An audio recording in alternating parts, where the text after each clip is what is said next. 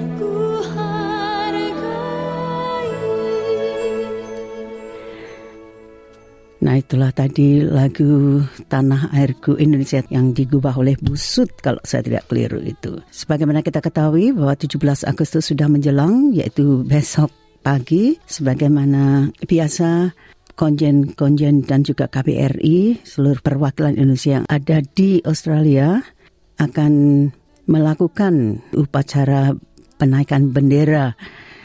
Nah, dalam rangka menyambut hari ulang tahun kemerdekaan RI yang ke-78 ini, kami mengundang Bapak Konsul Jenderal Republik Indonesia untuk Victoria dan Tasmania, Bapak Kuncoro Waseso yang telah menunggu di jalur. Selamat siang, Bapak Kuncoro Waseso, Pak Konjen. Halo Bu Sri Din, apa kabar Bu Sri? Saya kok jadi terharu belum bicara dengan Bapak sudah sudah terbata-bata, Bapak. Kenapa? Ya, Udah makan iya. siang tapi kan mata-mata aja bukan? Iya. bukan karena lapar ya. Bukan, Bapak. Bapak, kalau kita lihat usia manusia 78 itu ya katakanlah sudah sudah lansia banget kan begitu Bapak itu. Tapi Hmm, iya. tapi bagi suatu negara tentunya itu berbeda situasinya Bapak. Nah, Betul. Nah, dalam waktu yang sangat terbatas ini saya ingin Bapak untuk menjelaskan atau memberikan tanggapan itu. Jadi selama ini itu Bapak dalam perjalanan sejarah bangsa Indonesia itu kita tidak bisa melupakan masa lalu kan Bapak walaupun kita fokus pada sekarang dan juga merencanakan untuk masa depan. Jadi kalau kita lihat dari sejarah masa lalu kita itu apa yang dapat kita petik itu Bapak katakanlah kalau kita melakukan refleksi begitu. Oke, baik. Jadi kalau saya apa namanya ulang lagi nih pelajaran apa yang dapat kita petik itu ya yang ditanyakan oleh Bu Sridin ya dari sejarah bangsa kita. Tadi sudah sampaikan bahwa betul sekali tentunya kita harus menatap masa depan ya. Perlu penting sekali untuk mengetahui sejarah di belakang kita, tapi jangan terlalu terbawa dengan sesuatu yang ada di belakang kita, tapi tataplah ke depan untuk menyongsong hal yang baru. Nah, eh, untuk di beberapa tahun terakhir, yang paling signifikan yang tentunya polisi kita segar dalam ingatan kita adalah pandemi COVID-19. Dan kondisi ini oleh banyak pihak dianggap sebagai suatu yang sifatnya unprecedented challenges atau tantangan atau situasi yang belum pernah ada sebelumnya dan itu membuat kita sangat hiruk pikuk lah gitu ya. Namun alhamdulillah Indonesia cukup berhasil, relatif berhasil lah gitu ya, eh, melakukan navigasi melewati berbagai krisis tersebut. Kita berhasil menjaga stabilitas ekonomi, stabilitas sosial, stabilitas politik.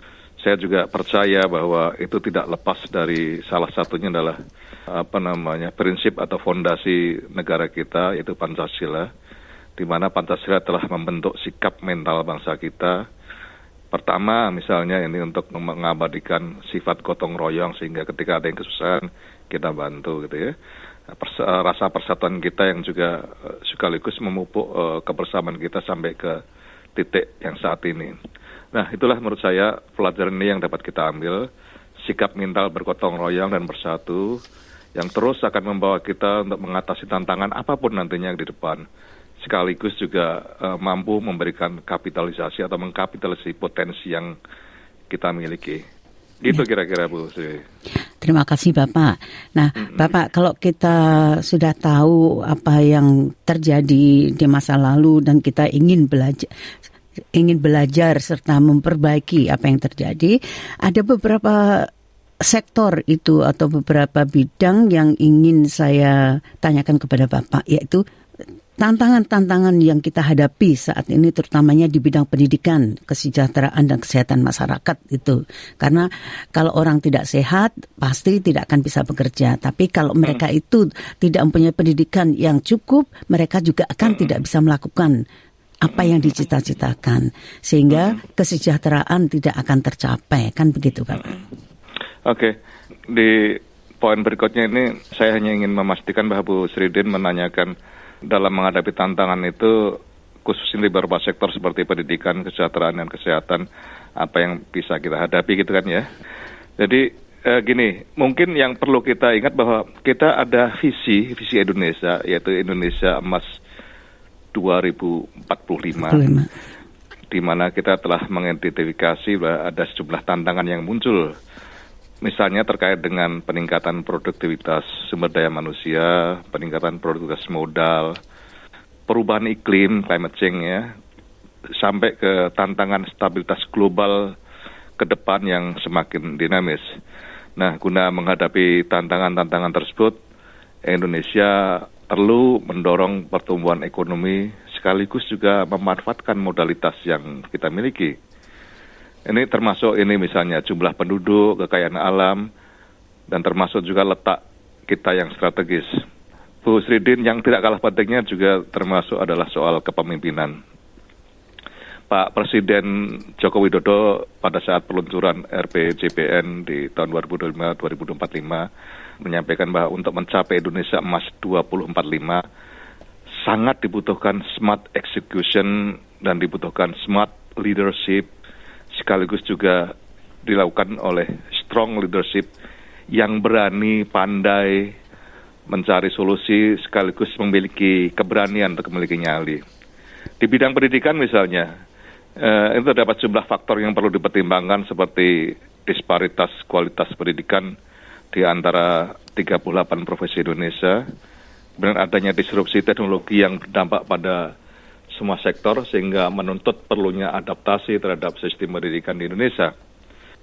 Misalnya dari mulai prasekolah, kemudian tingkat dasar, tingkat menengah, maupun tingkat vokasi sampai ke perguruan tinggi.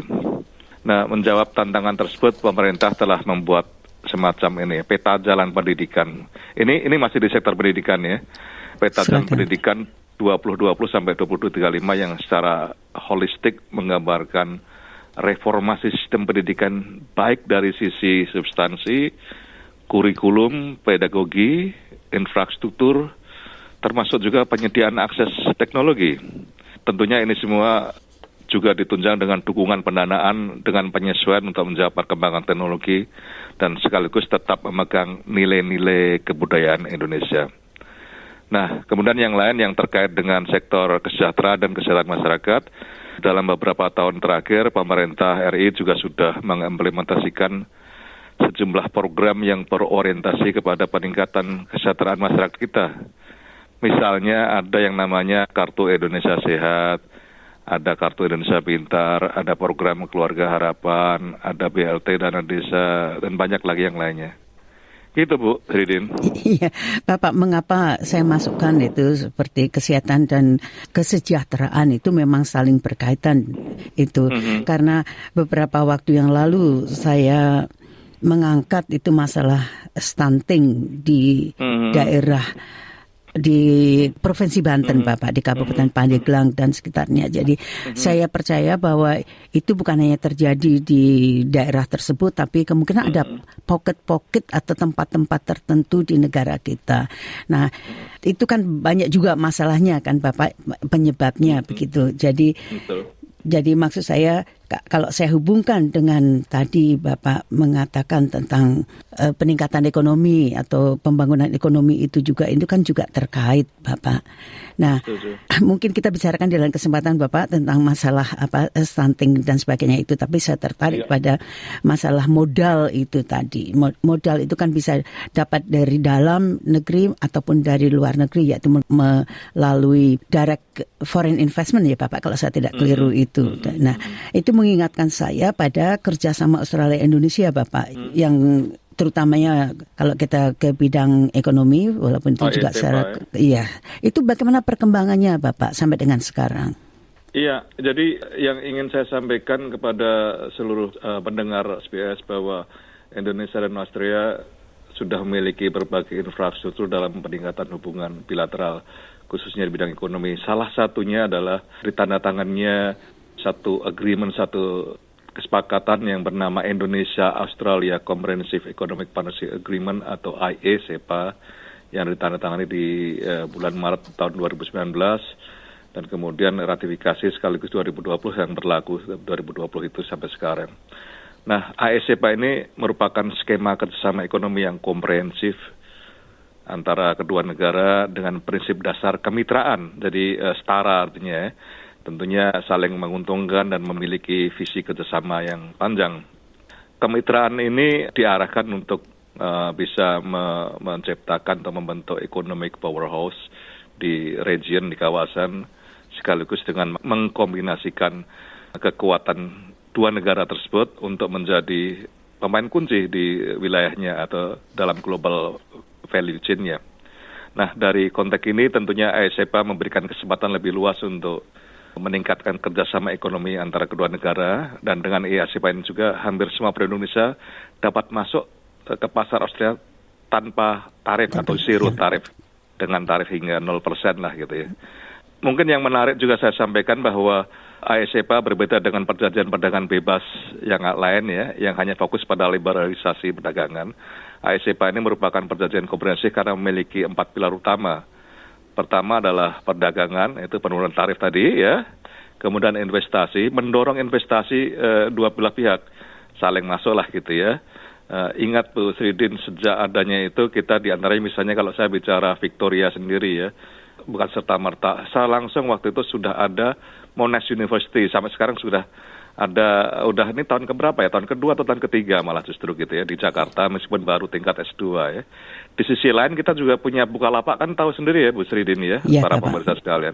Ya itu juga merupakan salah satu bentuk kerjasama. Eh, bahkan kita juga bangga ada outbound investment yang lain seperti bukan bermaksud saya sektoral atau apa, tapi ada Australian Muhammadiyah Kulit yang juga membanggakan. Dan ini sedang on progress, on progress, on progress artinya sedang berjalan perizinannya. Deakin University juga akan berdiri di di Bandung juga, ya.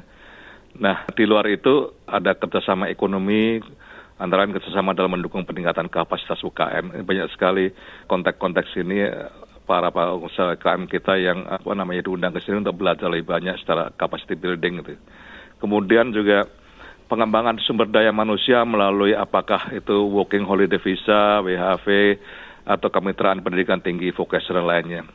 Nah, dalam beberapa tahun terakhir, kalau menyikapi hubungan antara Indonesia dengan wilayah kerja di mana kita berada, wilayah kerja saya ini kan Victoria dan Tasmania, khususnya Victoria, kita sangat bangga karena sudah banyak mencari kemajuan, bahkan di masa pandemi pun kita cukup meningkat lah. Rata-rata 2,6 Australian billion dollar, dan itu eh, surplus ada di pihak kita di Indonesia. Nah dari ini semuanya tentunya kita bermaksud mendiseminasikan semua informasi terkait kepada para pemangku kepentingan di wilayah kerja ini tentang hubungan yang meningkat ini. Nah sebagai bagian dari dukungan pemerintah Indonesia kepada diaspora Indonesia dengan adanya ASEPA juga itu kita di antaranya mendorong untuk eh, apa namanya meningkatkan upaya kita dalam upaya diplomasi ekonomi. Misalnya salah satunya adalah melalui Indonesia Spice of the World dengan banyaknya apa namanya restoran kita di sini sekaligus juga mendorong yang belum ada untuk meningkatkannya. Ada program namanya Indostar program yang sudah diikuti oleh beberapa kalangan sini itu, itu sangat ini sekarang masih masih ongoing itu moga-moga nanti akan diikuti oleh yang lagi. lain lebih Iya. berkembang lagi Iya. dan ini semangat dari IASEPA yang ada itu berbagai program tersebut tentunya tidak hanya kita sendiri Jari, tapi kolaborasi bersama kita berbagai mitra baik diaspora Indonesia pelaku usaha Australia pemerintah Victoria dan Tasmania, karena saya berbicara juga Tasmania juga ya, sekaligus juga para- akademisi, termasuk juga elemen-elemen penting seperti media seperti Bu Sridin sendiri dari SBS dan, dan yang lainnya itu sangat penting sekali. Itu Bu Di. Terima kasih Bapak. Bapak sebetulnya saya ingin menyinggung eh, itu Kongres Indonesian Diaspora yang ke-7 itu tapi mungkin kita kita simpan Lain untuk kesempatan. iya lain kesempatan Iya. Bapak.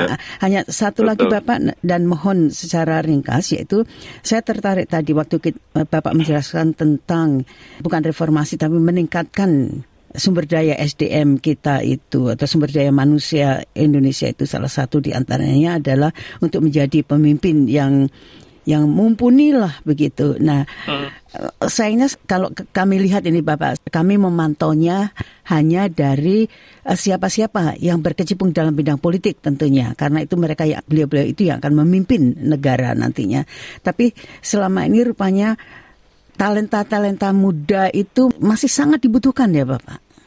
Hmm. Mungkin secara eh, apa namanya to the point saja Bapak yaitu masalahnya seperti pemilihan apa presiden dan wapres itu masih juga orang-orang Oke. lama ibaratnya itu. Oke. Oke, saya tidak akan eh, berbicara langsung eh, point to point apalagi mengomentari bakal calon presiden yang ada sekarang ini. Tapi saya ingin me mereiterate lagi apa reiterate itu me- mengulang Menekankan lagi kembali, iya. pesan lagi Pak Presiden yang baru saja tadi. Tadi Pak Presiden Joko Widodo memberikan pidato tahunan tanggal 16 di eh, depan seluruh anggota MPR, DPR dan DPD. Baru kalau kalau kejadiannya jam 12 kita di sini jam 9 di Indonesia. Baru saja selesai terus kemudian Bu, Bu Siti nelpon saya. Jadi yang paling penting aja ini ya, Presiden tadi mengingatkan bahwa bangsa Indonesia sekarang ini kembali memasuki tahun politik di antaranya ya. Sekaligus juga dengan tahun politik ini sekaligus juga muncul kontestasi politik. Ya. Seluruh elemen bangsa kita beliau tekankan harus tetap bersatu dalam menjaga mentalitas masyarakat sehingga kita bisa tetap melangkah maju. Ini yang tadi disampaikan untuk menjalankan transformasi bangsa tadi kan eh, Bu Sri menyebutkan apa kepemimpinan yang terus-menerus berlanjut ya. Nah, kepemimpinan ke depan eh, menurut beliau, menurut Pak Presiden dan kita juga ini kita yakini bahwa kepemimpinan ke depan sangat menentukan masa depan Indonesia. Bukan siapa yang akan menjadi presiden bukan. menurut Tapi beliau bagaimana seperti itu. beliau-beliau itu Tapi nanti? apakah pemimpin nanti sanggup? Apakah pemimpin nanti berani? Apakah pemimpin nanti konsisten? Karena prosesnya akan sangat panjang pemimpin ini yang diharapkan nanti pemimpin bukan yang hanya sekedar bisa berlari sprint, berlari cepat, tapi berlari secara maraton terus menerus uh, untuk menuju apa visi Indonesia tadi yaitu visi Indonesia emas. Dan ini dibutuhkan keberanian, kepercayaan guna mengambil keputusan yang sulit tentunya. Itu yang ditekankan beliau Bu Sidin. Tapi sekaligus juga mungkin saya bisa bercerita juga beliau tadi juga apa namanya menekankan lagi mengenai perlunya apa namanya prinsip-prinsip kita dalam me- menyongsong Indonesia maju atau menuju Indonesia emas Emas. 2045 ya di mana eh, presiden menyampaikan bahwa ini peluang yang besar untuk meraih Indonesia emas 2045 kita mm, harus meraih posisi dari lima besar kekuatan ekonomi dunia tidak hanya peluangnya saja, tapi strategi untuk meraihnya harusnya sudah ada, sudah dirumuskan. Tinggal bagaimana kita memfokuskan energi kita, tidak berantem sendiri artinya, memfokuskan kita energi kita untuk bergerak maju atau mengembangkan energi kita secara bagus, tidak membuang energi kita ke hal-hal yang tidak produktif, sekaligus memecah belah, tapi justru kita eh, satukan agar kita bisa maju ke depan. Itu ya intinya yang ingin disampaikan oleh Pak Presiden tadi gitu. Terima kasih sekali Bapak Konsul Jenderal Kuncoro Wasiso atas ulasannya, juga harapannya, juga pesan dari Bapak Presiden menyongsong peringatan hari ulang tahun kemerdekaan Indonesia yang ke-78 yaitu besok hari itu yang kalau di Konjen RI Melbourne itu upacara akan dilaksanakan pada pukul 9 ya Bapak. Betul. Besok. Betul. Sebelum sebelum ditutup, saya mungkin juga Silakan. ingin mengajak mas seluruh masyarakat Victoria atau yang terdekat misalnya di Melbourne untuk eh, silahkan kalau misalnya bisa sempat hadir. Saya tahu bahwa besok adalah hari kerja ya, tapi yang bisa hadir untuk hadir pada pukul betul 9 ya upacara. Jadi kita akan senang sekali bisa. Tapi ya, kalau yang tidak mungkin bisa juga untuk hadir di Federation apa namanya Square. Fed Square ya pada pukul 12 tentunya tidak akan selengkap yang ada di kantor nih di ada di KJRI tapi ini menunjukkan dari suatu kebanggaan tersendiri karena upacara tahun ini juga seperti tahun lalu diselenggarakan di Fed Square. Gitu ya Bu Sri ya? Ya, Bapak Konsul Jenderal Kunchoro Waseso, terima kasih sekali Bapak dan salam merdeka Bapak. Salam merdeka untuk buat semua ya. besok. Selamat sore. selamat sore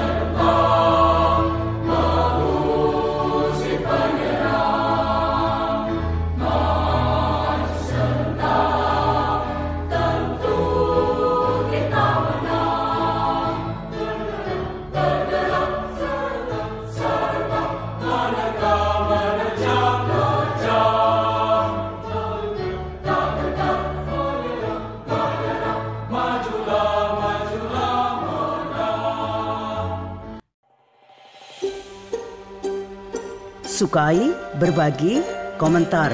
Ikuti SBS program Bahasa Indonesia di Facebook.